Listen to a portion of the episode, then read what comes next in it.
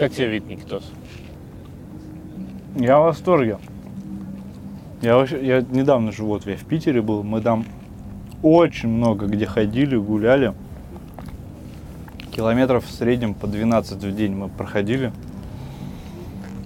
И я прям преисполнился созерцанием. Я прям, вот я там был сколько, три дня. Я все эти три дня ничего не делал, кроме того, как ходил и смотрел. А я же толком не фоткал ничего. Здесь отбивка. Блять. Я не понял, когда мы начали.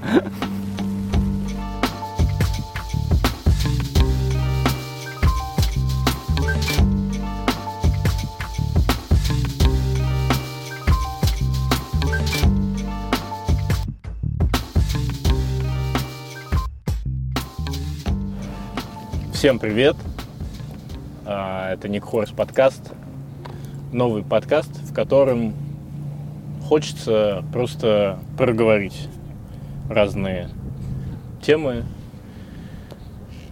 разные мысли, пообщаться с людьми, которые мне интересны. и Я буду надеяться и надеюсь, что будут интересны вам. Ой, я тебе интересен. Со мной сегодня этот песклявый голос подал Никита Попков, это звукорежиссер телеканала Матч ТВ. Сейчас мы находимся, почему, с чего мы начали? Э, мы находимся на набережной, вот даже до конца непонятно какой реки, это Ака и Волга. Вот это еще Волга. Вот это. И вон туда уходит Волга справа от стадиона. Я по карте посмотрел. Классно будет э, тем, кто слушает аудио. И, Да. в принципе, не смотрит видео, э, народ не поймет. Но мы сидим, в общем, если, если вдруг вы знаете, то это стадион Нижнего Новгорода, футбольный. И мы сидим прямо на набережной, почти в том самом месте, где Волга и Ака сливаются воедино. Можете найти на Google картах, я думаю, если вам интересно место, потрясающе красивое. Чуть-чуть нас покусывают э, комары, но мы нашли очень клевое уединенное место на набережной, чтобы поболтать. И, собственно, это главная э, цель и главная задача. В жизни часто бывают моменты, когда что-то проговорить не получается, ну просто не выходит. И поэтому этот проект предназначен именно для того, чтобы можно было какие-то вещи проговорить. Может Сегодня- быть, может быть, потом ты начнешь практику психотерапевта. Это, это вряд ли. Это, это вопрос не ко мне. Но психотерапия это классно. А, Скажу я всем. Кстати, как ты к ней относишься? Я не пробовал, но в целом я ничего плохого в этом не вижу. И я думаю, что я, мне стоит сходить тоже. Пусть у меня какой-то сформулированный, ну мы с тобой это уже когда-то давно обсуждали, что я, что я, оказывается, не очень помню, потому что был за рулем. А Никитосу надо было выговориться. Э, Прости, пожалуйста. Неофициально. Да, прости, пожалуйста. Вот, и я в целом на это позитивно смотрю, даже если у меня нет какой-то сформулированной э, проблемы, да, с которой я бы пришел там, терапевту, да, ну как ты приходишь к терапевту, ой, у меня вот здесь болит, да, там, у меня вот такие-то проблемы, то в, ну, в моем раньше мире, да, это было, то есть ты должен прийти к психотерапевту, у меня вот такая там проблема, да, Мгм. Хотя, с другой стороны, у меня, ай, вот здесь вот болит, и я не знаю, что это, да, и тебя лечат, как бы, да. Ну, схема, да, так работает. Это, это так работает и с психотерапией. Прикольно, что интересно, что ай болит, и меня здесь лечат, и я вот не думал ты с этой точки зрения. Мне вообще кажется, что круто, что мир открывается психологией и психотерапией, несмотря на то, что сейчас это стало модным, и э, как когда-то, когда мне было лет 16, все резко стали Нюхать клей. все резко стали... Ну, нюхать клей, это было... Благо, мое 16-летие на этот период не пришлось. Не закончилось. Да. Мне кажется, что круто, что терапия входит в моду, несмотря на то, что мода циклична, мода меняется. И когда мне было лет 16, люди повально все стали фотографами. М. Но это же, в принципе, не сделало никому хуже. Кто-то остался в профессии, кто-то э, делает потрясающие кадры до сих пор.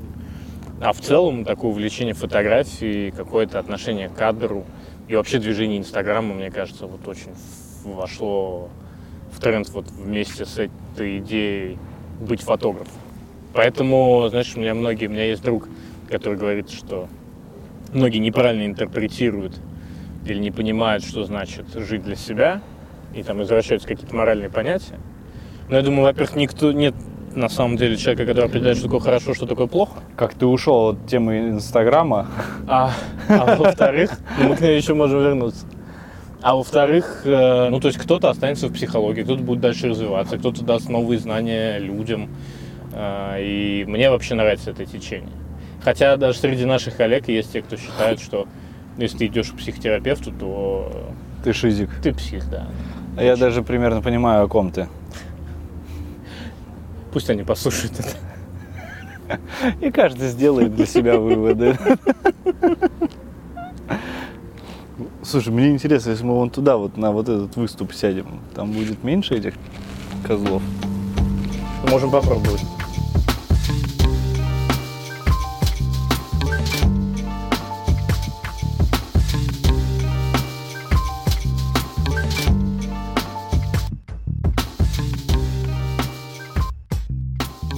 Мы переместились э, на набережной с нижней точки чуть повыше, потому что начали нас съедать комары жутко и страшно. Даже это не комары, это слепни, блин, нахрен. Ну, какие-то очень Какие-то твари. какие-то очень жесткие твари. Э, Завтра будем с Никитой чесаться. Но вид и атмосфера, мне кажется, того стоит. Да, Никитос? Абсолютно, абсолютно. Причем, ты знаешь, я читал про, что будет, типа, если исчезнут, допустим, комары. Что же? Ну, в цепочке, да, вот, э, как это называется, в пищевой цепочке. Мгм. И оказывается, охренеть, что изменится. Ну, прям, вплоть до, там доходило вплоть до того, что олени, лоси всякие, ну, вот такие крупные животные в лесах, да, они смогут э, заходить туда, куда они раньше не заходили, куда им не позволяли, допустим, заходить э, вот эти грызуны, комары, москиты, слепни и прочие кровососущие твари. И, типа, ну, многое нарушится в балансе природы. Ну, в это логично, цеп- ц- пищевая цепочка-то понятная. да, но в целом, как ну, говорят, я не помню, какой я сайт читал, то ли BBC журнал, то ли Discovery, ну, короче, что-то вот какое-то такое. Или Natural Geographic. Не помню. В общем, где-то это писали. Но в целом... глав- Где-то достоверные источники. Да. Э, то есть, да, изменится, изменится многое, но не так, чтобы сильно глобально. Сильно глобально изменится, если исчезнут, э, там приводилось мухи. Мухи, блин. Мне кажется, система та же. Все равно, типа, комары мухи кормят лягушечек Да, при и этом, дальше по списку. при этом мухи откладывают там свои яйца личинки во всякие трупы, чем самым помогают э, разлагаться этим трупам или там куда-нибудь там откладывают яйца в дерьмо. Я без понятия. Короче, они этим самым помогают э, разлагаться какому-то продукту, куда они откладывают свои яйца. Комары этого не делают.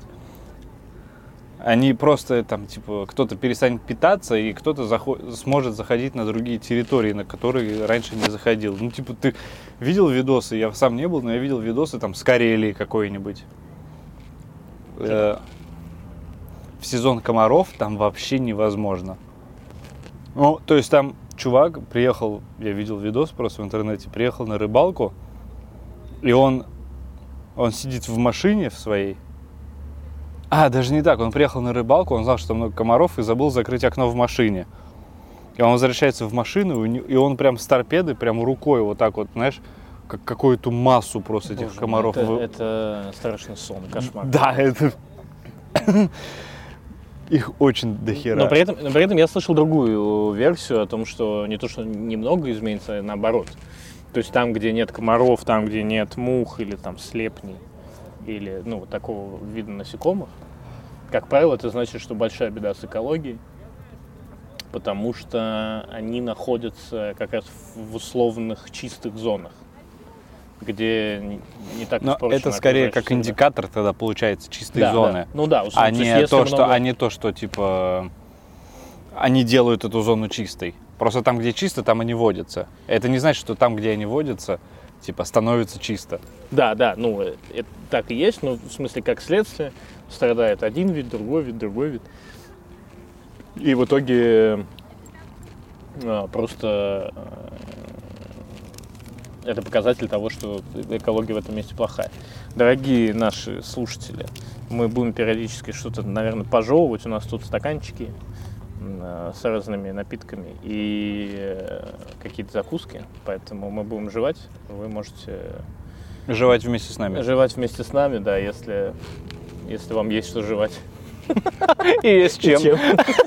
Тогда вам точно повезло. Но, скорее всего, скорее всего, есть, потому что э, если вам жевать нечем, то, скорее всего, вы не нашли это видео, аудио и не способны его включить. Либо вам, если его кто-то включил, вы его уже выключили. Это наш возрастной ценз. Те, кто, те, кто, кому еще есть чем жевать. Нормально. Скажи, Никитос, что мне интересно? Реально, у тебя есть какие-то темы, которые ты хочешь проговорить? Может быть, что-то тебя есть, ну, что-то волнует, чего ты, ну, как-то к слову не приходится, как-то не получается сказать, или нет повода это обсудить. У меня есть одна тема, с которой, наверное, все-таки я к психотерапевту схожу. Я только что ее сформулировал и упустил. Давай сформулируем вместе. Для меня почему-то сложно э, что-то начать делать. То есть, когда я начал делать, и когда я втянулся в процесс, для меня разобраться в чем-то вообще изи. Ну, типа я... У меня есть ощущение, что я разберусь в чем угодно. Но начать это делать... Блин, это то еще испытание. Почему? Хрен знает. Тебя это беспокоит? Да. А почему? Потому что я думаю, что от этого, ну, я упускаю какие-то возможности. Хотя, Тебе хочется что-то начинать делать? Или ты думаешь, что только что упускаешь и в этом момент? у меня такое ощущение, что я вот второе что-то сказал. Что я, я думаю, что упускаю. Ну, то есть у меня отношение ко всему, знаешь, такое типа...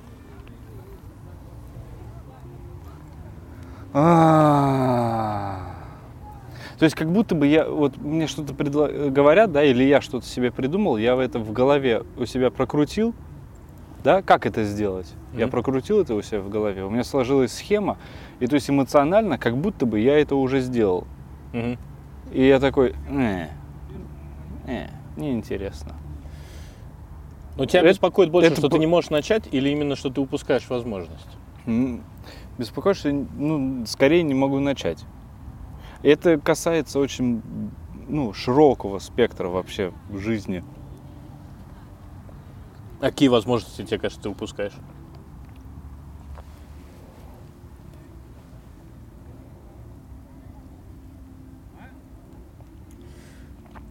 Вот так, чтобы по факту сказать, да, наверное, таких возможностей-то и не было. Чтобы, типа, а, мне говорят, вот, ты, типа, и вот есть вот такая такая тема, да, но для этого нужно там что-то сделать. И я такой, ну, я всегда это делаю. Показывает пальцем, кстати. Показываю пальцем вверх. Я всегда, ну, я- да, я всегда там лезу, делаю что-то, это да. Я не знаю, как это сформулировать, блин. Э, Ну хорошо, а что бы тебе хотелось начать? Не знаю, может быть, какое-то там свое дело или еще что-то. Но, с другой стороны, я понимаю, что, какое я свое дело могу начать. Продавать что-то. Вот у меня знакомый начал э, заниматься, знаешь, этим. Он покупает всякую фигню э, для девушек. Что там девушки покупают? Знаешь, там маски какие-нибудь, Ну бомбочки да, да, да. для ванны. Ну, короче, всякую женскую лабуду такую. И продавать там на каком-нибудь условно Wildberries. Мгм. Вот он этим занялся. Да, он зарабатывает. Ну, там, как он говорит, там, от 150 до 300 в месяц на Мгм. этом. Вроде круто. Ну, если он правду говорит. Вроде как бы круто, да? И с одной стороны, что мне мешает это же делать? Ну, как бы ничего. Разобраться в теме, как эта вся кухня варится, работает, да, и тоже этим заниматься. В принципе, мне ничего не мешает, но я почему-то не хочу это делать. А почему? А ты себя ругаешь за это? Да не, ну... Нет, не ругаю. Скорее, я не понимаю, почему я, ну, почему я не начинаю это делать. С одной стороны, с другой стороны, я такой думаю, я не хочу это делать. А почему я не хочу, это уже вопрос. Мне кажется, моя теория по этому поводу, что, ну, если ты что-то не хочешь, это нормально, ты этого не хочешь. Ну, это просто твои желания. Можно это принять как факт. Мне кажется, я нашумел прямо на твоих словах, извините. Нормально. Моя петля у меня. Ну, то есть, просто твои желания это твои желания. То, то есть сам организм, вот что говорит мой опыт психотерапии. Сам организм тебе подсказывает, что вообще а, с тобой происходит. Начиная от болезней Мгм. и заканчивая психологическими какими-то штуками. И если ты чего-то не хочешь, то это сам А, отражается на организме? Нет, ну просто сам организм тебе подсказывает, ты этого не хочешь. Ну и классно. Эм, И, и стоит себя только за это похвалить, понять, чего, что ты этого не хочешь, и двигаться дальше. А если это ощущение, я просто об этом тоже думал. Я еще лекции просмотрел, знаешь, там очень одного умного дядьки. Мы вот когда с девушкой мы ездили в Питер, мы туда-обратно, мы ездили на машине, мы туда-обратно слушали лекции одного и того же дядьки Мгм. э, про, там, знаешь, бессознательное. Мгм. И вот это все психологи... Ну, он сам психотерапевт по себе. Очень интересные лекции. Он, там была одна из тем. Классно, наверное, на катере. Да, мимо нас проехала лодочка с рыбаками. Еще одна из тем. А, Одна из тем была о том, что бессознательное, оно типа, вообще, короче, все это, все связано. с- э, сам организм тебе подсказывает, что тебе надо, что тебе не надо. Мгм. То есть, если ты куда-то полез, и у тебя там, не знаю, заболел там, допустим, живот, то значит оно тебе и не надо. Ну, он там приводил примеры из своих, эм, из своей практики, что там чувак там какой-то один в возрасте там 60 что ли лет, не бедный какой-то мужичок, очень сильно там переживал из-за того, что у него там болит живот или еще что-то типа того. Он, конечно, ходил к там, гастроэнтерологам, ко всему, и там ему назначали лечение, ему ничего не помогло. И в итоге один из там то ли терапевтов, то ли гастроэнтерологов ему его направил к психотерапевту. Для тебя это удивление было? Да, для меня это было, в принципе, удивление. И, а, как оказалось, его проблемы там с животом или еще с чем-то, я не помню, ну, условно, с животом, да, были из-за каких-то его переживаний. И, типа, они эти переживания проработали, и у него, блин, прошел, прошел нахрен живот. Мгм. Так вот, а, я начал задумываться о том, что, о том, что ты сказал. Что если организм подсказывает, что я этого не хочу, значит это кл- классно. А может быть это не ощущение того, что я не хочу, а это из-за каких-то своих стопов барьеров у меня организм так от- ну, отрабатывает на что-то. То есть, типа, я думаю, что ой, я это не хочу, а на самом деле У меня просто какие-то психологические барьеры есть. Поэтому я закрываюсь там, типа, от чего-то. Хотя я не помню каких-то возможностей, да, которые были передо мной, от которых я бы закрылся. Мне кажется, здесь ну, важно просто разделять. Одно дело, если это барьер в виде страха, в виде неуверенности, в виде сомнений. Это разные чувства. А, И это не те чувства, которые говорят «я не хочу». Когда у тебя нет желания что-то делать, это, ну, значит, нет желания что-то делать. И если ты это понимаешь, это классно. А по поводу того, что ты сказал, ну, это вот классическая психосоматика, насколько мне известно там, на данный момент. Хватает моих компетенций, то есть я не могу заходить. Значит, чем больше начинаешь изучать и, и понимать какую-то область, ты понимаешь, что, в общем, тебе на самом деле знаний-то не очень хватает.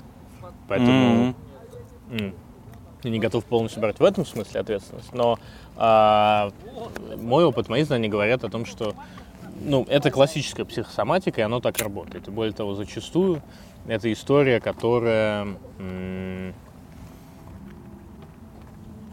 очень связана с тем, что с тобой происходит, условно, что имею в виду. А, болит живот, часто из-за того, что ты не можешь что-то переварить. Ну, типа. Я читал про аллергии, мне показалось это как- какой-то хренью. Но у меня в раз вот так вот раз и пропали аллергии. Хотя я был аллергиком тем еще. Ну, значит, что-то отпустил. Значит, э, С этой стороны, да, ну, блин. Мне вот сложно как-то поверить. Вот еще. Мне сложно во что-то поверить, мне сложно доверять. И прям вот ух вообще. слушай, проблемы с доверием у меня, например, тоже есть. Я недавно себе открыл. Но я понял, что у меня проблемы с доверием к себе. И поэтому, ну, от этого проблемы с доверием к другим. И, ну, я сейчас как раз разбираюсь тоже с этой темой. Ну, в частности, с одной из, и вообще пытаюсь понять, как это нормализовать. Ну, первый шаг, с чего вообще это все начинается, это с э, отсечки для себя, что ты вообще хочешь. И вообще психотерапия, раз уж мы о ней заговорили, то в общем психотерапия нужна для того, главная цель, для того, чтобы понять себя. Ты идешь туда, чтобы понять себя. И заблуждение, кстати, многих в том, что э, типа психотерапевт тебе скажет, как жить. То есть, если тебе психотерапевт говорит, э, как жить, можно уходить и как бы Из жизни. и, и закрывать, ну, не стоит, и закрывать э, эту лавочку, потому что, ну, значит, это просто неквалифицированный специалист. Просто психотерапевт, обладая определенными навыками, знаниями и умениями, помогает тебе найти путь к себе. Он тебе задает такие вопросы, на которые ты сам отвечаешь. Да. Он тебе задает такие вопросы, которые э, помогают тебе вообще разобраться. Тебе это нравится, не нравится. То есть он, например, может вы- высказать там какие-то гипотезы, условно, что, ну, то есть моя гипотеза об этом, что это вот так. И ты уже сам дальше, типа, нет, это не про меня. Все, тогда вы идете там дальше, ищите в другую историю, в степи. степи. А, или, о, да, это про меня, тогда вы копаетесь вокруг этого. И вот, ну, в чем ценность, что по факту процесс психотерапии, такая работа, это в первую очередь твоя работа. И, и работа с самим собой. Да, я с этим полностью согласен. Ну, И, и если вдруг нас услышит кто-то, кто сомневается и вот относится к этому так, то вот моя, мой посыл вот он такой. Ну да. И если нас услышит кто-то из наших коллег, они явно не думают, что мы сумасшедшие. Ну, кто знает. Кто знает. Смотря кто услышит. Да. Тут большой вопрос. Мы же про одного человека сейчас думаем, да?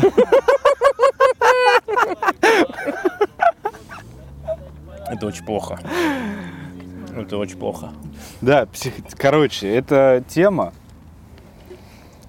Ну вот я не знаю, понимаешь, я, я вот мы сейчас начали, да, об этом говорить. Я об этом всем, ой, точнее, я вот это все, что я начал говорить, я представил себя просто на приеме у психотерапевта и такой, типа, окей, давай, типа, сыграем, да? Я вот у психотерапевта, и я начал говорить так, как я бы говорил. Мгм. В принципе, вот. Мгм.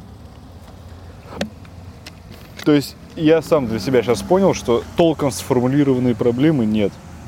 Ну так он тебе, э, я сейчас, ну, не буду исполнять роль такую. А я Просто не этого, чувствую нет, я себя, этого ну, и там, не знаешь, жду. Нет, Не, я я этого понимаю, не что жду. ты не ждешь. просто- Я, я- да. я говорю, это, это скорее то, что я мог бы ждать от себя. Это про меня, а не про тебя.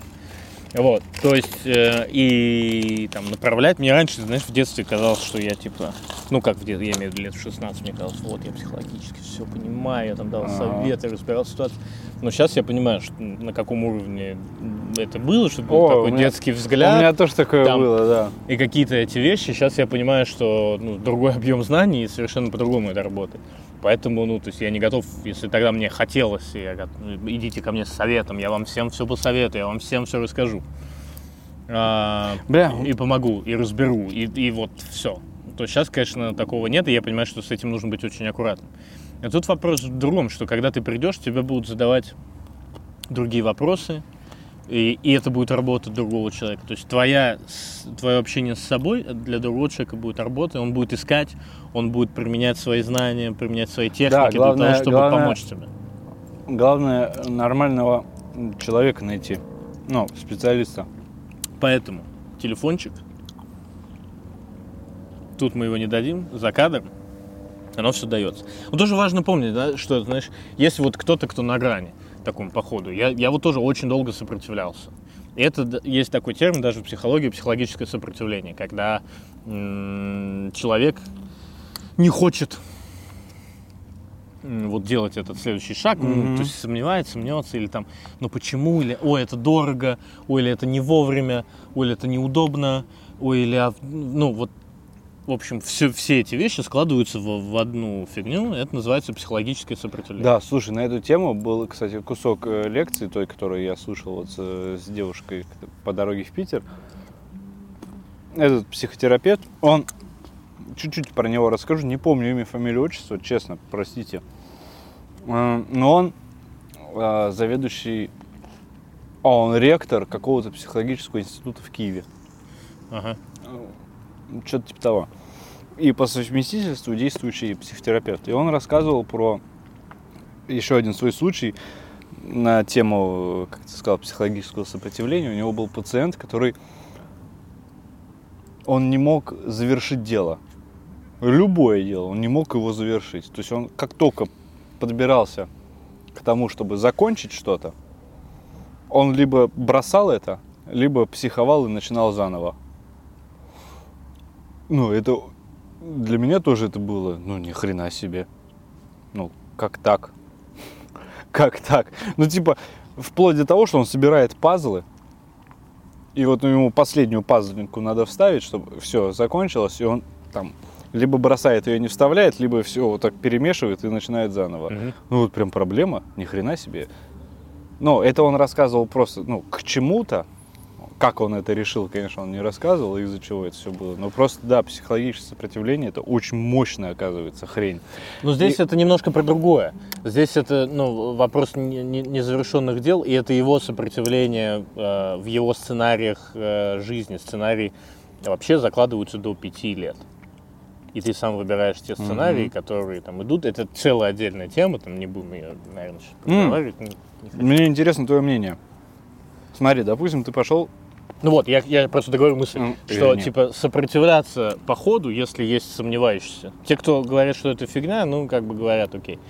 А, но если вот это нормально, то есть, ну надо просто прийти к тому моменту, когда ты уже захочешь пойти м, к психотерапевту, если кому-то это поможет, я бы очень хотел, потому что у меня была такая ситуация. И я это понятно, что мои там, сценарии, мои, мои схемы, но вот я сопротивлялся прям до, до победного. И я прям уже знал, что надо. Моя жена уже там давно ходила, и там мы в свое время посещали парную психотерапию. И я Да? понял, что мне, да, и мне, и, и я понял, что мне нужно. И вот, и вот здесь бы хорошо, и вот здесь бы хорошо. И я там ну, тоже узнавал вместе с э, Настей там свои какие-то вещи. Но прям сопротивлялся. В общем, если есть такие люди, это нормально. ребята. Когда время придет, когда вы решите, если вы решите, значит кайф. И не решите, ну, это ваш выбор, это тоже нормально, ничего в этом такого нет. Короче, расслабьтесь, не терзайте себя. Вот моя мысль какая. Да, твоя, ты спросить хотел. Да, да, мне просто стало интересно, как ты считаешь. Смотри, допустим, бывают же заблокированные воспи- воспоминания, Мгм, абсолютно, которые человек даже не знает, что они были. мгм. И, но у него есть какие-то определенные там проблемы. Опять же, это из лекции этого чувака, очень крутой. Мгм. Я, э, как вспомню, я могу тебе прислать его имя, фамилию, отчество. Может быть, будет телеграм-канал, кстати. А, намечается у Нихорс Продакшена на несколько проектов в ближайшее время. Поэтому и в таком случае заведем Нихорс канал, не, э, в смысле телеграм-канал Нихорс Продакшена, и там что-то будем публиковать. И тогда, если вот все случится, а, то там можно будет найти имя, фамилию, отчество человечка. Чечек, так сказать. О, Нежное сообщение. да. От отца. О, круто. Прикольно. Знаешь, какие? Перевод э, от Дмитрия Анатольевича. Плюс две тысячи с подписью на пивасик. Нормально. Блин, Батяня, вообще круто. люблю, обожаю. Это круто. Это круто. Сейчас надо ему ответить. Ну, Вот человек захотел проявить. Да, очень. Любовь. Ну, я его, я бесконечно обожаю своих родителей вообще. Бесконечно.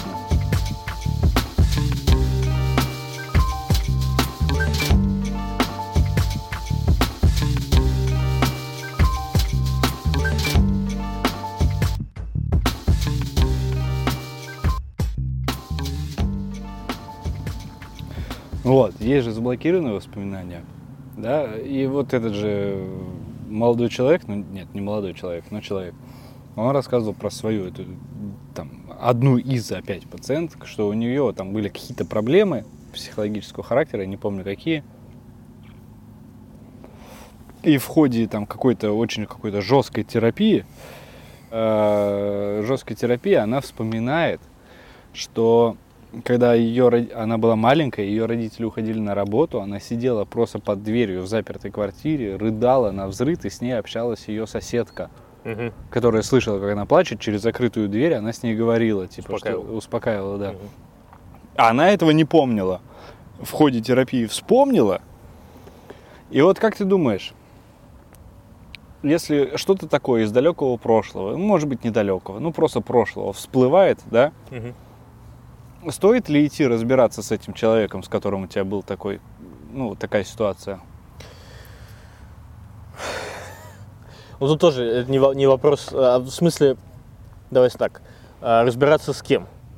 Ну, допустим, в ее случае идти э, там к своей маме, папе и говорить, почему вы меня оставляли, типа, одну, зачем вы это делали? Я думаю, что это зависит от потребности.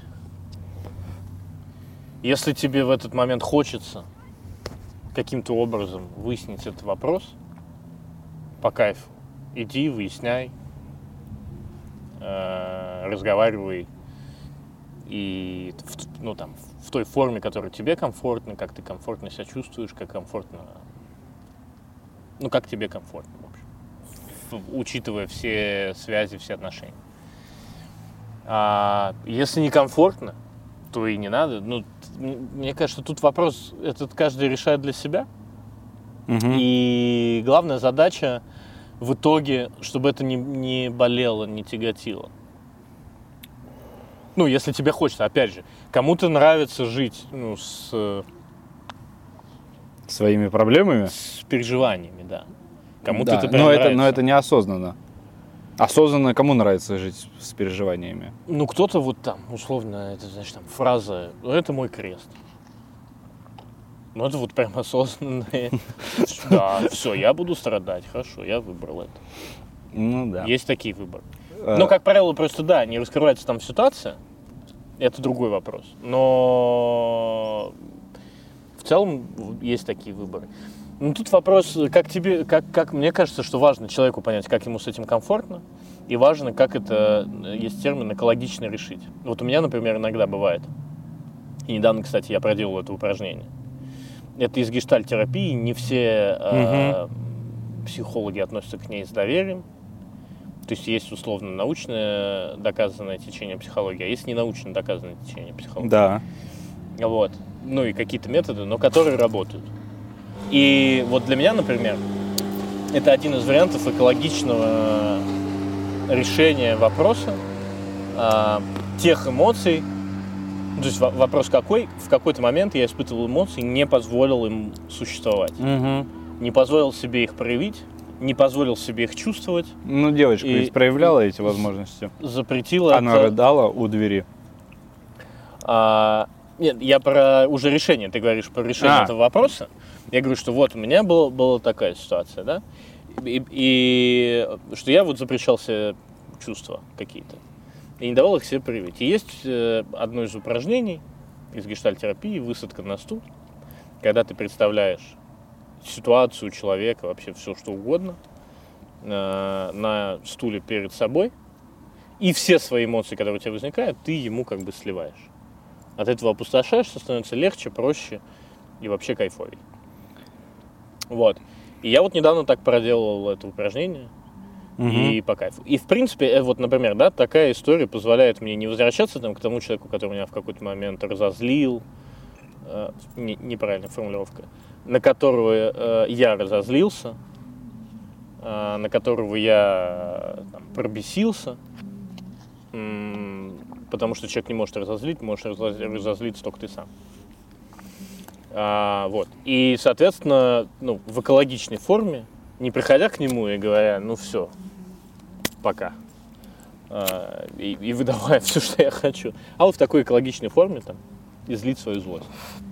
И ну, для меня вот, ну, вот такое решение. Поэтому тут важно понять, а, что тебе комфортно, как, какие эмоции это вызывает, почему это там, вызывает такие эмоции, и найти свой способ экологичного решения э, вот этой ситуации. Я понял. Э, В принципе, я думаю, имеет место быть это. Но я сейчас нашел э, Дядьку? дядьку. И чё?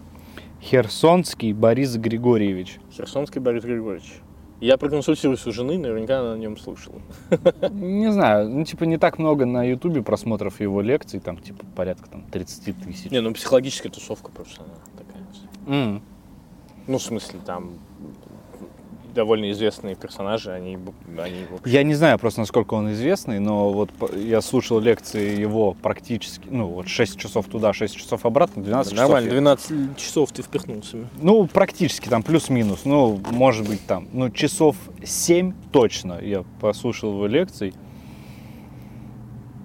Крутой дядька. И он на эту тему, он задал этот вопрос аудитории, стоит ли идти и вот эти вот свои заблокированные воспоминания, которых ты даже не помнишь, ну, и- да, идти и выяснять там отношения с этим человеком.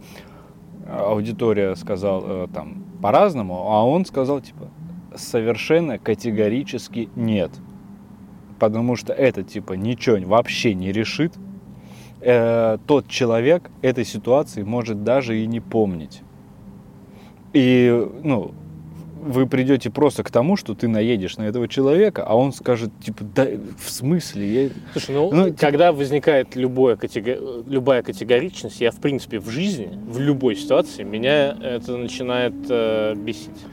А уж тем более, когда это касается каких-то психологических штук, мне, ну, Ну, то есть, ладно, это вызывает давай- у меня, давай так, я это убери- вызывает у меня сомнения. Я уберу слово категорично. Конечно же, не стоит. Да, ну вот как я, как я это вижу, я не слушал Кажется, 12 часов э, прекрасных наверняка лекций, но для меня то есть, категоричность в этом вопросе, она не может существовать, потому что, ну в смысле, она, конечно, может существовать, если человеку комфортно с этим. Но для меня это вопрос открытый, и каждый его решает, вот я тебе озвучил, Да. абсолютно как ему комфортно. У меня была, например, ситуация, вот к слову, типа, абсолютно нет. Я в какой-то момент, ну, немножко другая, и я немножко с другим посылом заходил, безусловно.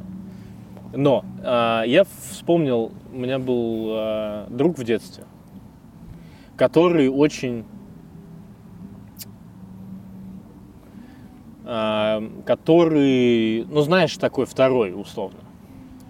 В отношениях друзей всегда есть второй чувак, который, э, да, идет, идет, идет за другим. И, в общем, у меня было несколько ситуаций. Он очень классный парень, добрый такой был, открытый, где-то, может, стес- стеснительный, но очень веселый. И од- у меня была ситуация в детстве, за которую мне было очень сильно стыдно. Очень сильно стыдно. По факту, то же самое, что со злостью, просто другая эмоция, Мгм. которая воспринимается людьми как негативно. В психотерапии это называется условно негативные, условно там положительные эмоции, потому что это просто принято. И по факту эмоции это просто эмоции, они не бывают ни одно, ни другое. Так вот, мне было очень стыдно, и я вспомнил, мы уже с ним давно не общались, уже там, 15 лет, как? 10. Ну Вот. И спустя эти 15 лет я вспомнил эту ситуацию, мне стало жутко стыдно. И мне просто захотелось написать чуваку. Ну, это немножко другое. Типа, но, извини. да. Я, ну, и там, как бы текст вот, вот такого плана, что я там не прав был и так далее. И он, он, и он мне написал, я не помню этой ситуации. Ну, как бы окей. Ну, типа, не- нет проблем. И, ну, посмотреть на это можно, с- что это очень эгоистичный поступок с моей стороны. Но, с другой стороны, мне было важно проговорить эту вещь.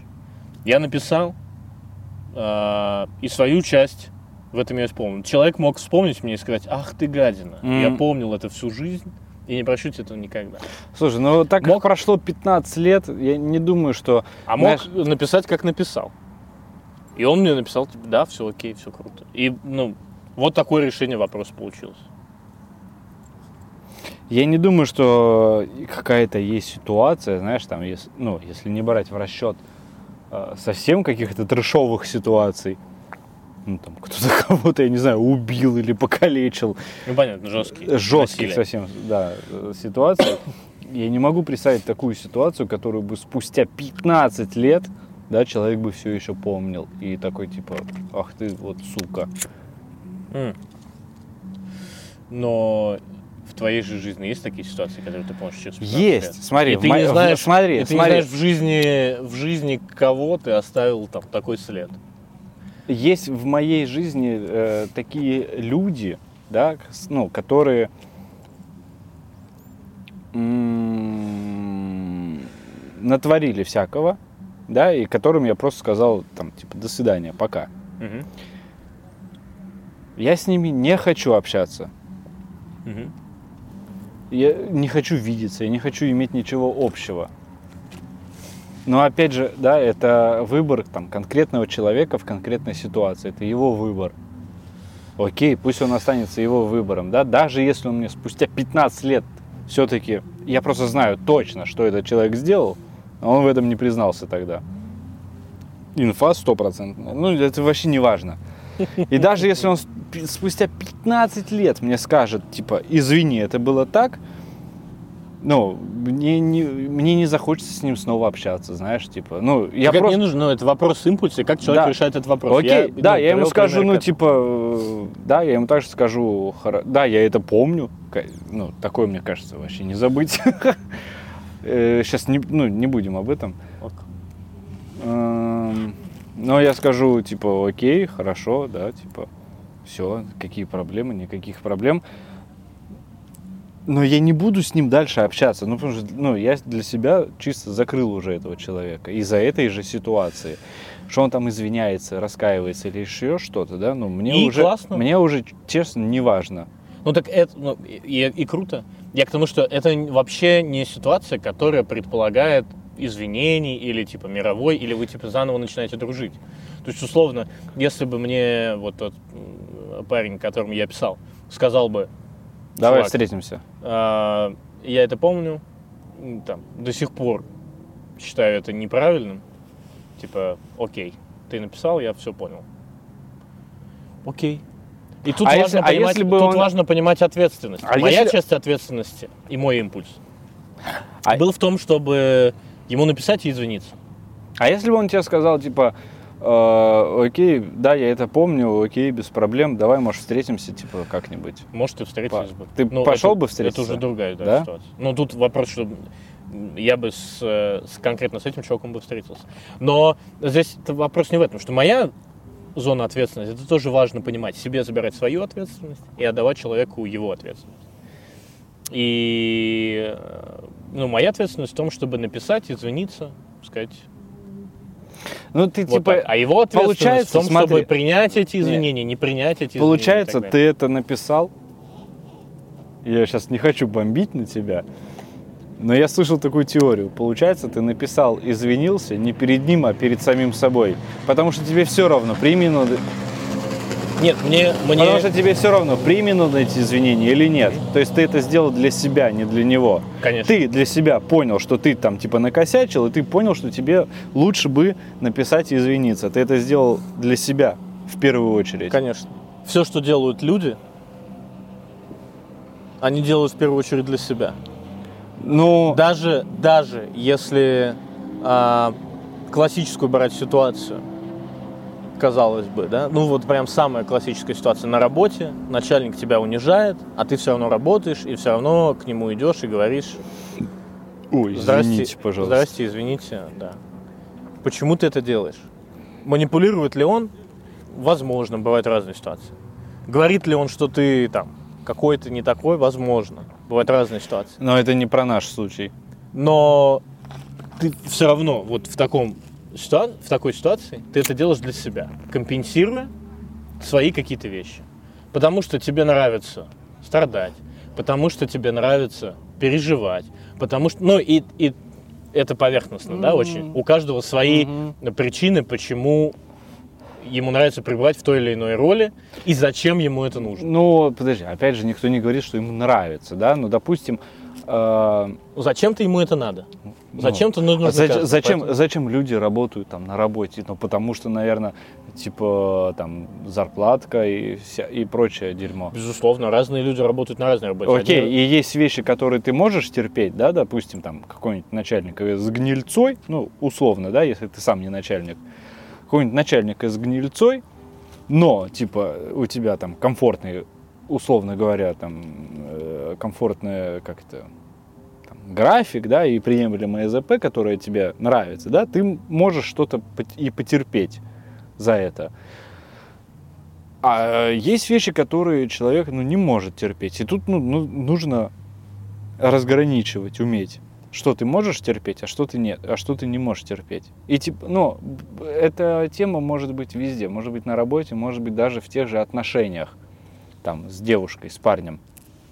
Да, что-то ты, допустим, такой, мне это не очень нравится, но it's okay, я это, ну, я это могу вытерпеть, ну, потому что плюсов других до хрена. А зачем терпеть? Стоп. Ну, потому что идеальных нет людей. Ну, а зачем терпеть? А что еще делать? Ну, допустим, вот у тебя есть человек, да, в котором тебе Я во- тебе вот столько. Я- Конкретную ситуацию. Вот, мы с женой ходили на парную психотерапию. Самый, ну, вот прям один из самых э, ярких примеров, мне кажется, он у многих мужиков бывает. Когда ты что-то говоришь, и тебя вообще не, с- ну, прям, как будто бы тебя не слышат. У, да. Как будто бы Да вот ты, нахрен. ты имеешь в виду вот, вот это, а тебя слышат вот так и еще в этом обвиняют. Да, да, да. и потом ты начинаешь с знакомое. этим, и потом ты начинаешь с этим разбираться и начинаешь доказывать, блин, да я это имел в виду, ты мне это говоришь, я это и имел в виду. Да, и да вы- как ты мне это говоришь? И в итоге получается, что вы об одном и том же говорите, только с разных там сторон. Ну, и типа здесь того. важно, вот я говорю, канонический пример про терпение. С одной стороны, ты можешь терпеть, ну типа вот такую вот штуку и типа постоянно быть в ярости. А следующий этап разобраться с этим. Что слышишь, что говоришь ты, что, что слышит она, и что говорит она, и что слышишь ты. И мы в какой-то момент пришли к ситуации, когда она говорит, э, что для меня вот эта формулировка звучит вот так, и значит вот это. Первая моя реакция, да как? Да я как вообще так-то? этого не имею в виду. Да что? Да в смысле? Ну, нет, и, и я хочу говорить так, как я хочу говорить. Мгм. Какого хрена я буду говорить по-другому? И дальше встает вопрос. Что я в итоге-то хочу? Я хочу быть правым и говорить, как мне нравится? Или я хочу быть в кайфе и, и в радости обсуждать какие-то вопросы внутри семьи? И тут я задумываюсь, И а так, ли, так ли мне важна эта формулировка? Или мне важно, чтобы меня правильно поняли? И если я хочу на самом деле быть правильно понятым, а я хочу именно этого, тогда, может быть, мне стоит поменять формулировку. И дальше мы обсуждаем, типа, окей, хорошо, если тебе это... То есть я понимаю, и это мое желание. Это же не желание, там, угодить ей, Мгм. или не желание, а, ну, что-то условно сделать для нее, я потерплю. А это мое желание быть правильно услышанным и найти этот коннект. И дальше, то есть это, и это уже перестает быть терпением. И тогда это ну, поиск решения вопроса. И дальше я думаю, окей, хорошо, я хочу быть услышанным. Тогда какая формулировка тебе комфортна? И вот несколько вообще ситуаций мы решали именно с такой формулировкой. Ну, то есть вот до банального мы прям искали, окей, хорошо, вот эта фраза, слово, потому что у людей разные там триггеры и так далее. Для меня звучит вот так, и значит это. Тогда давай, окей, хорошо, как, что, какая формулировка тебе комфортна? Мне бы хотелось вот так сказать. Дальше я прикидываю, не, мне не- некомфортно с этим. Давай вот так. Она прикидывает. Ну, мне некомфортно с этим. Хорошо, давай вот такая формулировка. Вот прям вопрос начинается отсюда, вот этим продолжается, и вот этим заканчивается в ситуации. Да, хорошо. Интересно. Говорит она, да, хорошо, говорю я, и это перестает быть терпением. Это желание ее и мое внутри отношений быть услышанным и понятыми э, с каждой из сторон правильно. Это интересно. Ну, конечно, пустая бутылка на свадьбе. Бля, это смешно, это семейный прикол. Да. Это семейный прикол. Я не знаю, вправду ли я его рассказывать, как моя жена предложила э, Никитосу. Он у нас был на свадьбе, и она ему в большой заботе, ну, то есть это от большого сердца от большой Да, души, да, да, да, да, да. дать просто там оставшийся алкоголь, там было типа две бутылки вина или что-то такое, Да, или виски. там что-то. виски, типа шампанское, вино, на. и она- я- это- Э, предлагает, и вот она, пожалуйста, забирай, Никит, ну, ну, мы не выпьем это все, нам ничего не надо, возьми, пожалуйста, ты нам так помог, там все дела, все, возьми, пожалуйста. И Никита смотрит опустошенным взглядом на, на это, не понимающим, э, ну, это пустая бутылка. Она меня В начинает... смысле? Да. Нет.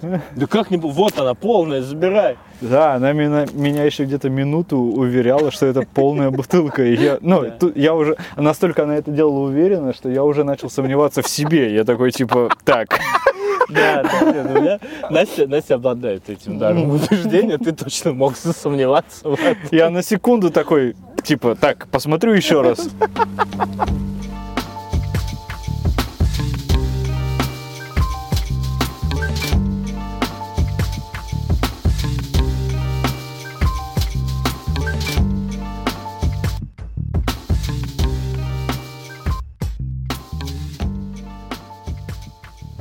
Скажи мне, ты человек как далекий от ты причем декларируешь, что ты аполитичный, тебя это не интересует вообще. и так Вообще, далее. вообще. Но а, ты сказал за э, кадром и кнопкой рек, что тебе не нравится сам процесс, как происходит. Ну, Но да. ты за вакцинацию. Да, я абсолютно за вакцинацию, потому что, ну, по моему мнению, по мнению истории, да, скорее всего, именно благодаря вакцинам, ну, были побеждены очень многие болезни. Ну, такие прям масштабные, ну, типа чума, типа там корь, ну, еще прочее, прочее такое. Ну, тебе же при рождении ставят прививки, прям сразу же. Почему Кстати, ты... прикольно, что до а, какого-то 90 какого-то года а, прививка в плечо, и вот наше с тобой поколение. Оставляли шрамы? У всех, да, на, пле- на плечах. А мой брат, он уже 99-го года, Мгм. и им в пятку. В пятку? Да, и ему делали укол в пятку, и у него, соответственно, следа на плече уже не осталось. У моего отца есть след на плече, Да, ну потому что это прям Да. долгая советская но история. мой, но мой отец 70-го года рождения. У меня нет никаких следов на плечах от прививок, а я 92-го. Ну, ну, я к тому, что тебе делали в плечо. Да. Может быть, уже немножко по-другому, там, Ну, ну, так или иначе Слушай, это остается. 92 год, э, Казахстан. Не столица Казахстана далеко. Ну, типа, но никаких у меня шрамов нет, но прививки есть. Так вот, их при рождении тебе ставят. Особо у тебя никто ну, не спрашивает. Да, ты можешь отказаться, да, как родитель. Но большинство не отказываются. Прям огромное большинство. И, по-моему, благодаря именно вот этим вот прививкам и нет таких болезней сейчас. Кто-то сейчас болеет корью, или там, типа бубонной чумой, или там еще чем-то. У меня нет данных. Ну, по-моему, нет. Ну, я во всяком случае не слышал о таком. Эпидемии в России точно нет. Вот. Это, ну, точно такая же эпидемия, да, э, против которой, да, окей, придумали там э, лекарство, и надо его распространить. Э, Это, это да. Но мне не нравится, конечно, как это все дело происходит. То а есть что как- именно? Вот как-то- это, вот как-то- это интересно. как-то из-под э, палки, да, обязательно. Например, то, что людям говорят, что вы работать не сможете дальше. Вот либо ставите, либо нет. Ну, такое себе. Ну, то есть изначально позиционирование какое-то неправильное, учитывая, мне кажется, менталитет россиян, да, которые, и я в том числе, от обратного идут, да, если тебя что-то заставляют делать, ты, конечно, этого не сделаешь. А если тебе что-то запрещают делать, ты первый пойдешь это делать. Ну, это особенности нашего, вот, мне кажется, менталитета русского. Стоит тебе запретить сейчас, знаешь, там, не знаю, вот здесь вот нырнуть в реку, у тебя сразу появится желание, а почему? А что это? А почему нельзя? А, а я хочу. А тебе говорят, а тебе скажут, иди нырни, вот здесь можно, а нахуй мне это надо? Сразу скажешь. Ну вот, ну вот такой Ну, вот. противопоставление. Да, у, у большинства вот такое. И вот когда типа начинают заставлять это идти делать, конечно, большинство не хочет этого делать. Ну ясен хрен. Это, блин, в стендапе у кого-то еще было очень смешно. Знаешь, типа не помню, у кого это в стендапе было, но про маски. Типа, если россиянам все сказали, что на- обязательно носить маски, никто бы это не стал делать. Ну, так и говорили. Да, но потом сказали, типа, нужны обязательно маски и перчатки, и все таки ладно, маску мы наденем. Но перчатки не но перчат- Компромисс, Да, но перчатки не будем. Так же, так же и тут. Ну, типа, обязательно всем. И, естественно, народ недоволен. Меня здесь, знаешь, меня То смущает есть, я, другое. да, я не против Мгм. прививок. Да, есть э, движение антипрививочников. Такое прям лютое. Вот они прям лютые типы, я их вообще не понимаю. То есть это те люди, которые отказываются от прививок э, детям при рождении от ну, известных заболе- заболеваний, от известных вакцин, которые проверены десятилетиями, что с ними все хорошо и они работают. И они от них отказываются. Вот это я не понимаю. Я думаю, что здесь э, конкретно в этом вопросе есть один такой довольно говорящий, колоритный пример для меня. А, почему это происходит? Это происходит от недоверия. От недоверия к власти. Ну и в контексте недоверия очень яркий пример – это то, как Дмитрий Песков анонсировал а, историю с э, правомерностью спутника и, в общем, говорил о том, что спутник это классно. То есть он за, незадолго до, э, во время скандала с Навальным, э, рейтинги подскочили резко. Первый выпуск запрещен. Заблочен. Я в наручниках, но, но про твои Я- психологические изыски услышали Я- все. Я под следствием. да. Ты в наушниках, я под следствием. Вот. В общем, когда журнал Lancet, известный э, статусный журнал в кругу медиков, международный, по-моему, французский, опубликовал э, исследование, что в крови Навального нашли э, новичок, Мгм. он сказал, что мы будем как-то равняться на недословное цитирование. Типа на какой-то непонятный западный журнал. В смысле? Это не прикольно. Ну, я недословно цитирую, понятно, общественность. И спустя совершенно короткое время Lancet опубликовал данные по спутнику Ви и наш, одной из наших российских вакцин и сказал, что да, в этой, этой вакцине можно доверять, она там достаточно эффективна, ее готовили для другого вируса, но там а, адаптировали под этот вирус и работает одинаково. А он сказал, вот смотрите, про нашу вакцину пишут в уважаемом медицинском этого журнале. Я не, этого я не знал, но это очень забавно. И это довольно ну, сильно отражает доверие людей, ну, в смысле, и, и причины этого доверия или его отсутствия к, к власти в принципе. Меня стригерило в истории вот вакцинации э, тот же самый Песков, его высказывание, э, как ты сказал, я очень аполитичен. Ну, то есть мне вообще, скажем так, все, ну, почему я аполитичен, да, наверное, стоит сказать. Потому что я понимаю, что я всей правды, ну, как бы не узнаю и ты не узнаешь. И мало кто узнает. И поэтому что-то говорить о том, что ты знаешь о новостях, ну какая нахрен разница? Потому что есть там засекреченные всякие информации, да, есть то, что там нам не договаривают, есть где-то где преувеличивают. Всей сути ты никогда не узнаешь. И поэтому и говорить об этом, ну, для меня особо-то и бессмысленно. Да, ты можешь что-то обсудить. Что ты тут услышал, там, там услышал, но не более. Но когда я увидел новость о том, что Песков, заголовок новости, типа, э, когда пошла вся эта хрень, что вакцинация обязательна, да, и я просыпаюсь с утра, открываю новости, и там, типа, заголовок Песков, двоеточие, вакцинация остается э, добровольной. добровольной. Да, я такой, о! Но если вам что-то не нравится, вы можете уволиться с работы. Во!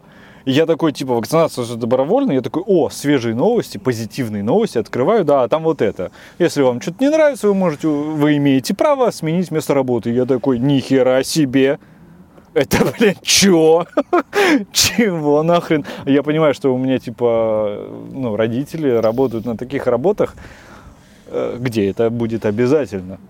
Ну, и, типа, их сменить это место работы, ну, у них не получится из-за того, что они, ну, профессионалы своего рода, так скажем.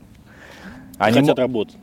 Да, и они хотят работать, и хотят работать именно в этой сфере, и все, что они могут сменить, место работы они могут сменить, но в этом другом месте работы будут такие же условия. И я такой, чего? И я, ну, я тоже ведь один из них.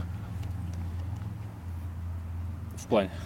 Ну, в плане э, наше с тобой место работы вроде как ни к чему не обязывает про вакцинацию, но я трудоустроен еще в другом месте, которое обязывает. И я такой, бля, ну какого хера? Ну почему? Я... И тут играет то, что, видишь, я в принципе не против. Ну, что, концептуально что, за. Концептуально за. Но когда мне говорят, что либо ты ее делаешь, либо типа идешь э, нахуй, я, ну, у меня, естественно, включается какого члена. Почему? Ну, в смысле, я это должен сам захотеть. Э, есть же охрененная тактика. Если ты что-то хочешь от человека, сделай так, чтобы он сам этого захотел. Ну, или сделай так, чтобы, ну, типа, эта идея пришла ему в голову, как он думает, сама. Чтобы он сам это придумал. Тогда он это сам захотел, тогда он сам это сделал. Ну, а по... сексист, конечно. А по сути ты... мелькнуло, что а это все-таки сама, а не сам. Долбанный сексист. Осудите нас, феминистки, во всех комментариях, пожалуйста. И типа, ну, да, это такой это способ такого управления, но ведь он работает. И, и я, я понимаю, что он бы со мной бы тоже сработал, да, но если мне говорят, ну вот есть вакцина, она работает, да, хочешь делай, хочешь не делай, твое дело. Я бы, скорее всего, пошел бы и сделал. И это то, что ты вот здесь попадаешь в мою позицию. А, что, на мой взгляд, абсолютно провальная информационная политика в этом вопросе. Потому что а, я полностью с тобой согласен в концепции, что прививки работают, и прививки не просто так много умных людей, ученых, докторов по всему миру их э, создают э, и, и много лет – и это помогает. Но И, и вот вторая часть, которая попадает и тоже в мою позицию, что провальная информационная политика. Да. Вот то, что ты говоришь, покажите, что это классно, покажите, что это здорово, покажите, объясните почему, объясните откуда, объясни, не заставляйте людей, то есть понятно, что заинтересованные люди проникнут в исслед... ну, в смысле, узнают вообще, что происходило, узнают, откуда вакцина, узнают, кто ее делал, узнают, зачем ее делал, узнают, как ее делал, узнают, как ее готовили, да, ну и так далее, и так далее, и так далее. То есть вот это все. Но абсолютно не все так. Все, ну, то есть участие людей это на, на уровне, им не до этого, и я их могу понять абсолютно.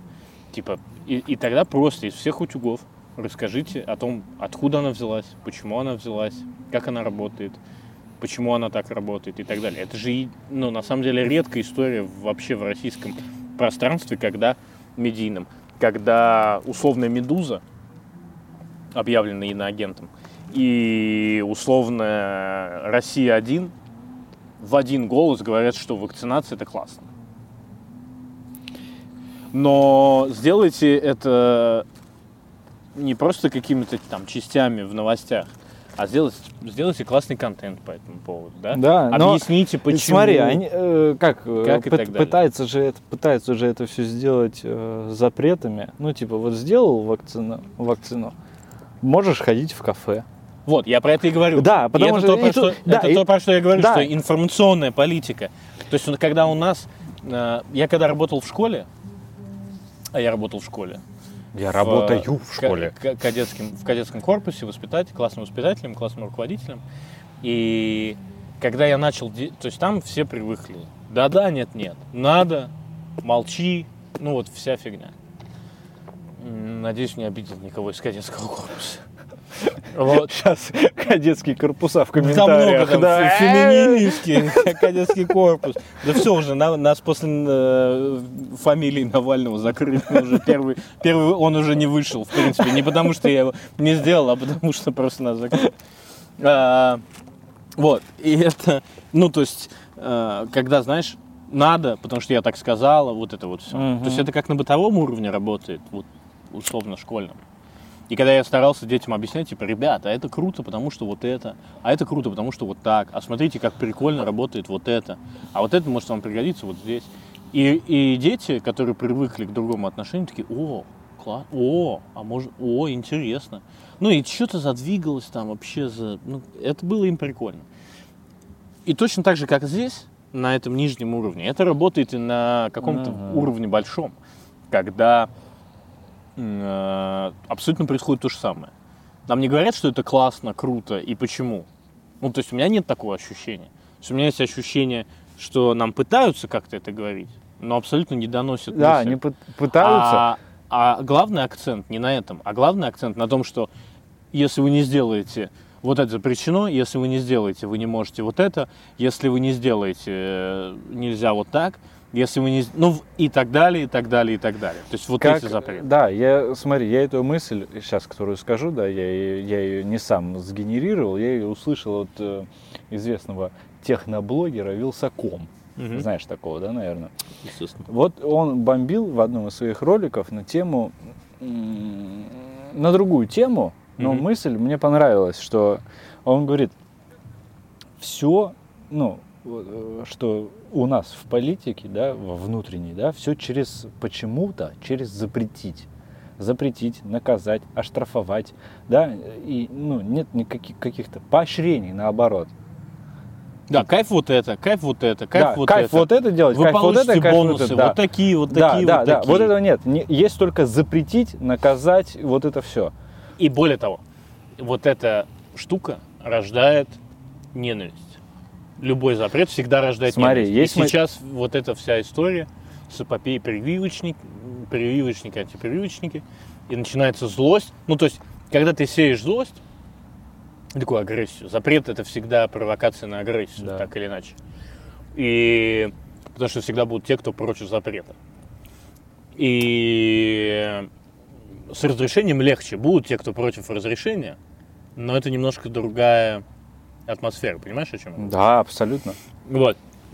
И э, в, в этом контексте, знаешь, там даже в Инстаграме у меня там в ленте, у друзей в ленте появляются люди, типа, вот я привился, а вы вот смотрите, вот морги переполнены, вот больницы переполнены, и вот вы все пидоры, те, кто не привились.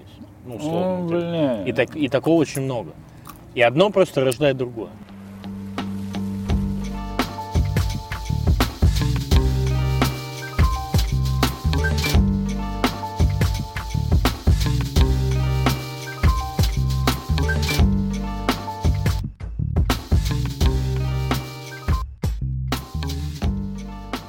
Казахстан. Ты, об- ты обмолвился, что ты из Казахстана. Да. Очень интересно в контексте. Я тебя никогда не воспринимал как казахского человека. Ну, вообще, человек из Казахстана. Интересно, и интересно, что, ну, то есть, ты делаешь музычку, ты всегда отнекиваешься, что ты делаешь какую-то музычку, там, ты делал по приколу и так Ну, далее. я делал, да, по Вот. приколу. Но сейчас это же супер, ну, прям, какая-то невероятная топ э, музыка, пришедшая из Казахстана. Они разрывают все чарты, они разрывают всю территорию СНГ. Да. И вообще какой-то Казахстан кладезь талантов. Да, казахи А. сверхнация, есть такое выражение. Откуда, откуда, ну вообще, даже не так, не откуда. Как ты относишься к э, своей малой родине и как ты вообще ее называешь? Вообще, ну что, для тебя Казахстан? Я очень давно там не был, в Казахстане, очень сильно давно. Я там был, мне кажется, последний раз году в м, 2000, может быть, восьмом. Наверное, где-то так, в 2010 я закончил школу, поступал, в 2000, ну да, наверное, последний раз был там в 2008 году. То есть я мало что помню, и вообще мы уехали, я родился там, мои родители родились там и прожили там ну, свою жизнь. И когда я у них родился, мне было два года, и мы уехали оттуда, а мне было два года, когда им было по там 24. И мы оттуда уехали. И просто приезжали там каждое лето, ну, примерно каждое лето к бабушкам, к дедушкам туда. Но... Подожди, еще раз, 24 им было? Ну, я родился, когда им было там 21-22 года. Ну, то есть ты Моим три года родителям. ты прожил. Два года я там Два. прожил. Мгм. Мне было два, и мы все вместе Мгм, оттуда, мгм. я, мама, папа, оттуда уехали. И потом уже в Москве родилась моя сестра Настенька. Хорошее имя.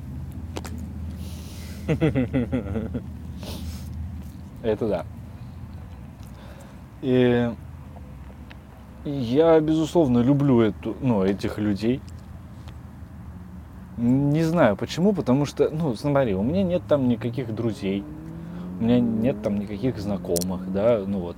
То есть, если я приеду... Ну ничего, понятно, ты в два уехал, там ничего не осталось. Да, если ну, даже вот у моей даже у моей сестры, которая младше меня, которая там даже не родилась, есть там какие-то кореша. Потому что Я, Типа- я продолжаю гнуть линию. Да-да-да, типа того. Шмаляю из всех возможных. потому что какие-то там 2-3 года, да, они, э, мои родители и Настя, моя сестра, они туда ездили, а я нет, потому что у меня там то поступление было в институт, то экзамены, то еще что-то, Мгм. я не мог, типа. И она как раз туда приезжала в том возрасте, что она там познакомится с друзьяшками, там, погулять с кем-то во дворе, да, и у нее там есть какие-то кореша. У меня там вообще никого нет. Ну, за исключением родственников. И то бабушки, дедушки, ну, уже нету. Э, там ну, только дальние родственники, дальние родственники остались. Там дя- тетя, может, какая-то, двоюродная тетя. Ну, вот, вот Мгм. все. На самом деле там очень много, просто, ну, честно, я их не знаю. И я люблю этот народ, я люблю эту, этот менталитет. Казахи очень, э, они очень гордые, очень гордые. И есть либо Знают себе цену. Да, они очень хорошо знают себе цену. Это очень э, простые люди, без заморочек вообще. При этом очень хорошо, как ты сказал, знающие себе цену. Да, там очень любят понты, то есть люди, которые достигли чего-то, да, ну там внутри страны. попонтиться это вообще, это чего, бля, вообще по кайфу попонтиться. Но при этом все равно они остаются очень душевными людьми. И, ну, мне это нравится. Возможно, я еще просто очень сильно горд, э, что мы оттуда, да, а не откуда-то там с Москвы. Я очень просто горд. Ну, если бы ты был с Москвы, да, ты был бы из. Ну, типа. Это мой снобизм, да, когда. Ну, я очень-очень сильно уважаю э, своего отца за то, что он смог ну, оттуда нас увезти, потому что, я повторюсь, э, что мы уехали, я родился в 92-м, и мы уехали оттуда, получается, через два года. 94-м. Мы были даже не в столице Казахстана, да, это был там южный город, Шимкент. Э, на весь город было два института на то время. Ты либо музыкант, либо учитель. Угадай, кто у меня родители? Музыкант и учитель. Ну, у меня отец музыкант, Идеально. мама учитель, да. И типа из-за этого всего... Кстати, э, почему, почему у Никиты, э, в смысле, как отец музыкант, повлиял на становление э, Никиты как звукорежиссера, вы сможете увидеть в скоро выходящем новом проекте Никорс Продакшн. Э, все объявления будут в телеграм-канале. Слушайте, смотрите, следите за новостями. Да. Капец, ты мастер подводок, бля, я не могу. Да, и типа я когда спрашивал отца, на, ну, чем мы уехали, он, он его единственная, как он говорит, мотивация была о том, что ну, я хочу лучшего для своего сына, ну, для своих детей в общем. Ну, я хочу, чтобы у них был выбор, чем заниматься. И это была его мотивация. Ну, потому что там откровенно выбора не было. Сейчас этот город Шимкент, это огромный город, он разросся, у него все круто. Там, ну, там все есть. Угу. То есть ради, ну, там, если бы я родился вот сейчас, ну, оттуда, возможно, бы и никто бы не захотел уезжать. Это плюс стране, опять же, что она развивается так. Конкретный город этот очень сильно развивается, очень быстро. Там, там реально сейчас э, по рассказам и по фотографиям, ну, и по всем-всем-всем, что я вижу, он, знаешь, чем признан? Он признан столицей Южного Казахстана это как у нас, ну, типа Питер, там, культурная столица. Северная столица, да. А? Северная столица. Ну, Тут, типа, так, да, там это столица, столица Южного Казахстана. Он признан там несколько лет как назад. Это большой сейчас город. Круто. Ну, оттуда вряд ли бы кто захотел уезжать. Тогда, да, мы оттуда свалили, возможно, из-за того, что из того времени мы оттуда уехали, мы сейчас находимся здесь, и я развиваюсь, да, и мне вдвойне кайфово, что вот я сейчас здесь, что, ну, я не родился тута, ну, как бы, как бы на всем готовеньком, да, у меня есть бэкграунд в виде своего отца, который я бесконечно уважаю и люблю, который все это провернул. Ну, прикинь, тебе 20... И, прикинь... и, он, для тебя, и он для тебя как такой пример... Э тоже казахской натуры, которая вот, вот, то есть, ну, я пытаюсь найти вот этот трепет. Почему, почему, откуда этот трепет? Потому что он в лице отца, как, как казахского человека. В том числе. Может в том быть, числе. может быть, но я бы не сказал, что мой отец казахский человек. Он скорее нет. Ну, казахстанский, как российский. Так, так, не, не казах, я имею в виду, а именно. Я не знаю, откуда у меня э, трепет. Возможно, ты когда видишь у себя в паспорте место рождения Казахстан, ну или какую-то другую страну, ты, конечно, ну, типа, любишь эту страну. Я помню, я мелкий, я не помню, сколько мне было лет, но там был в, в те года, не, не знаю, в какие, ну, возможно, я уже учился в школе, а в школу я пошел в 2000-м. Был прикол, такие шатры стояли – ну нет, не юрты, ну просто такой шатер, просто на улице стоит шатер. Значит, там тебе нальют кумыс и дадут лепеху.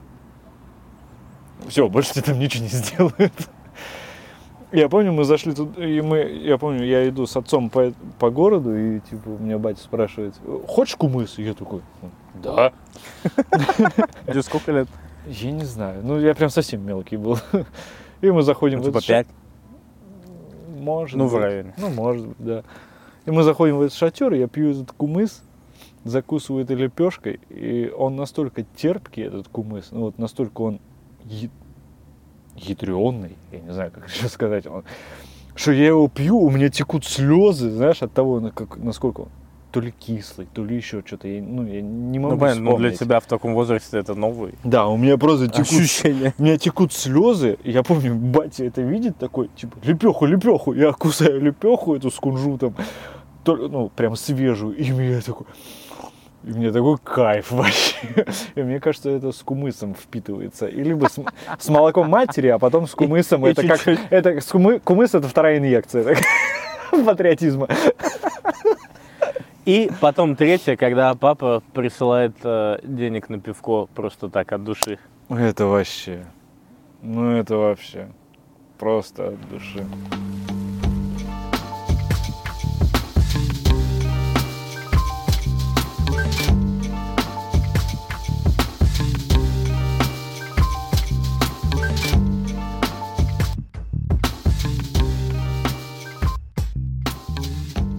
Мне очень нравятся вообще эти движения.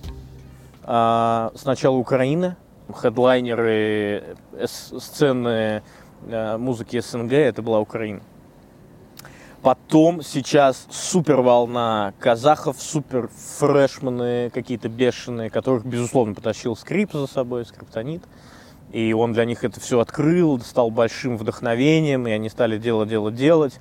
Новые герои в Дудя Ирина Кайратовна, мои два, мои два слова. Мы про Ирину Карятовну с тобой давным-давно говорили, да. Да, ну то есть, ну то есть э, супер стили, куча там фрешманов у них своих.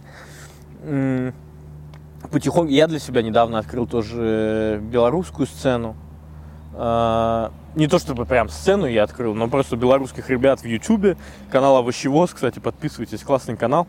Мне очень прям нравится, я прям рекомендую на релаксе. Крутая история. Музыкальный канал а, Long Play. Чувак э, рассказывает э, об истории музыки, разные классные истории музыки.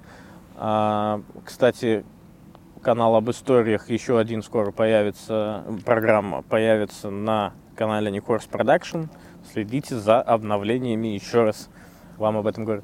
Ну, в общем, чувак делает очень крутой м, контент про музыку, и он рассказывает, что на него подписаны там э, Би-2, э, Это ты про кого? про лонгплей. Ага. А, ну и, в общем, ну, то есть народ на него там подписаны, какие-то там известные чуваки. Я сейчас не вспомню всех, но, но да. А, ну, в общем, много, и мне, мне очень нравится просто эта история, что м, музыка СНГ живет, и что, и мне кажется, за счет этого, на самом деле, потому что музыка разная, разных направлений, как это очень вдохновляюще, э, живет и объединяет людей. И она дополнительно и еще раз, и еще раз, и еще раз говорит, что все мы братья. И это история, которая была совсем недавно. И это история, которую мне бы, например, хотелось сохранить и своим детям передать.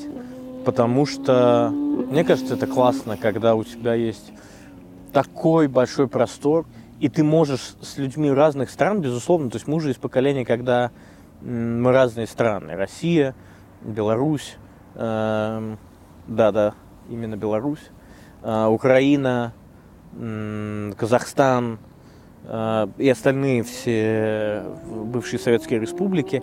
Мы, безусловно, сейчас уже разные страны, но при этом насколько удивительно, мне кажется, знаешь, что каждая из стран очень самостоятельная, и у них есть свои истории, свои особенности, свои нюансы, свои глубины и свои объемы. Меня это вдохновляет очень с этой точки зрения, но при этом мы еще и можем быть все вместе. Может, И есть да. вещи, которые нас объединяют, много вещей, начиная от языка э, и продолжая культурными корнями, которые есть в каждом из нас, и они по-разному проросли в итоге. но вот эта разность и единство при этом, мне, ну, я прям тащусь от этого. И я когда вижу вот такие вещи, проявления в, в культурной среде, ну, мне по кайфу. Я прям очень радуюсь. Как сейчас радуюсь тому, что происходит, происходило на Евро, когда выбыла сборная России, и очень много людей а, поддерживало а, сборную Украины, и все болели. Ну, то есть это очень круто. Для меня это очень вдохновляющая история. Да, а, это, да связи с этим очередной неочевидный панч. Да я просто поделился своим вдохновением, и ну, мне прям нравится эта, эта мысль.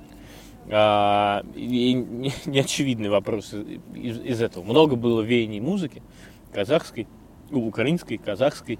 Вот я сейчас услышал Навибенд белорусский, возможно, что-то еще из Беларуси придет, какой-то такой ну, классная музыка.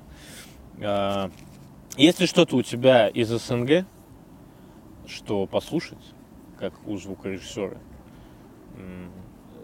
Твои, твои радиоприемники, волны в ушах настроены, настроены на какую-то музыку. Может быть, что-то из СНГ, а может быть, если не из них, то, то вообще какой-то топ, музыкальный топ-3 условно. Я как поклонник э, в основном жанра хип-хоп музыки, я, в принципе, могу послушать и джаз, и блюз, и фанк мне очень нравится. И все так, ну, в основном... Но это плюс-минус одно да. направление. Но... То, что одно выросло из другого. И... Ну да, да хип-хоп в целом такой. вырос из фанка, джаза. Из блюза. И, да, вот это всего. Сэмплы, это все, да.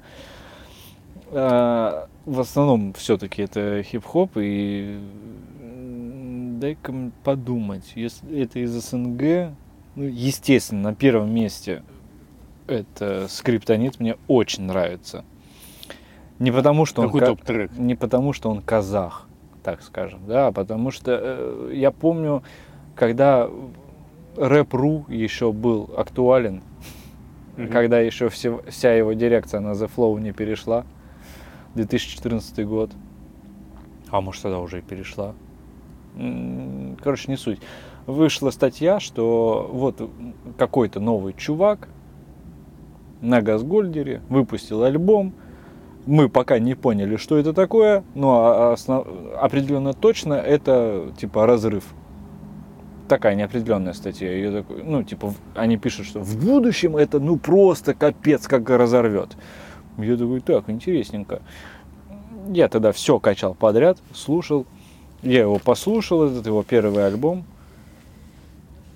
Что-то Первый раз я его слушал, мы ехали, кстати, с моей сестрой угу. куда-то в машине. Мы его в машине вот туда послушали, по пробкам ехали, и такие, такие, типа, ну какая-то хрень, ну какая-то, наверное, хрень. Потом я послушал его еще раз почему-то, потом еще, еще, еще. Сейчас я весь этот альбом наизусть тебе могу захреначить. Очень круто. Это который первый? Первый дом с паранормальными явлениями. Угу. Короче, во-первых, это скрип. А во... какой любимый трек оттуда? С этого альбома? Да.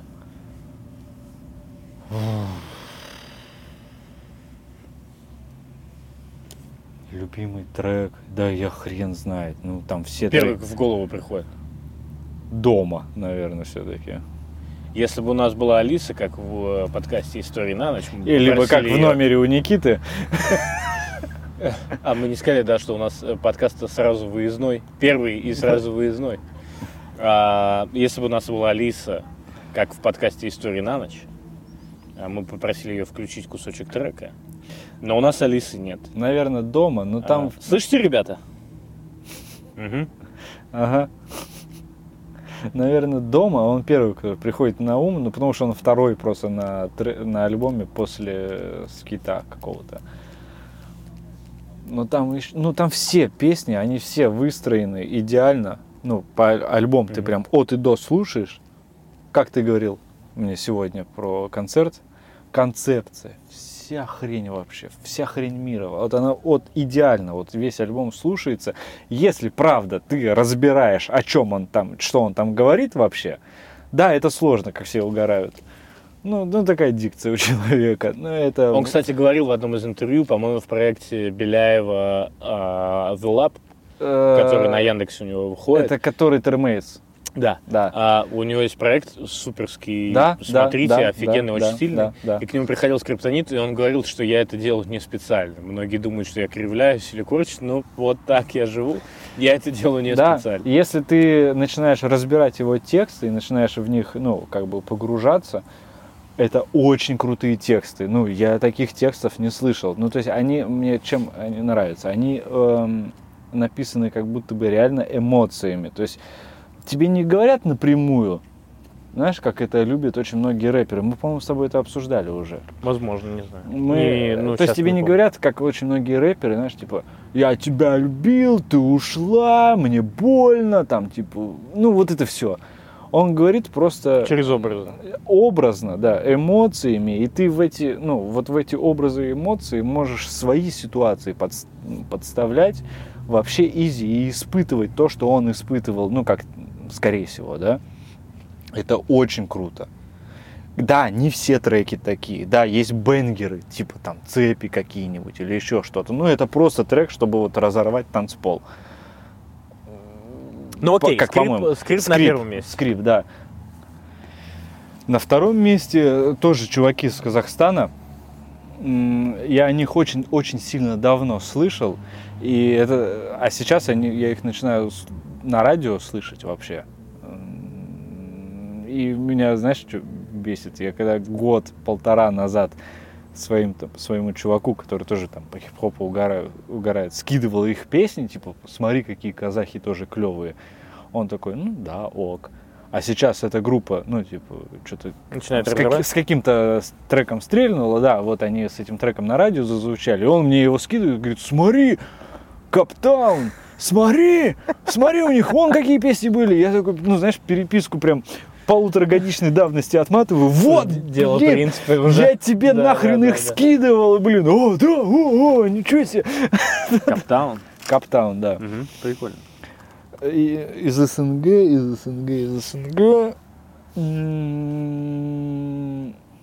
А что у них тебе нравится у Каптауна-то? Мне нравится, как они звучат. Они вроде тоже такой казахский стиль, ну, естественно. Но все равно у них есть свои фишки. Мгм. Ну, в звуке именно. Ну, типа. Ну, качает. Очень качает. Ну, Ну, что- как- что короче, здесь? просто бешеный Как, казахский объяс- свак. как объяснить? Бешеный казахский свак. Как объяснить, когда качает бит, и черный парень что-то в рифму говорит? Окей, Цитирует добро, Я, кстати, о них не знал. цитирует ну, Добро Incorporated.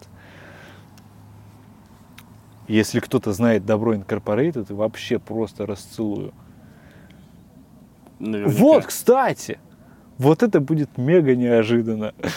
А, из СНГ, т- э, чуваки из э, Челябинска. Ага. Э, Ты знаешь группу, наверное, из Челябинска Триагрутрика. Естественно. Вот. Есть еще у них там из Челябы Добро Incorporated. Мгм. Они пишутся Добро Инк. Точка. Но они лет э, 7-8 назад выпустили альбом. Его нет нигде. Ни на SoundCloud, ни на Apple Music. Они его выпустили А? на кассетах. Ну, типа, знаешь, он есть в ВК, типа он лежит. Ага. Его можно в ВК найти, Добро Инк.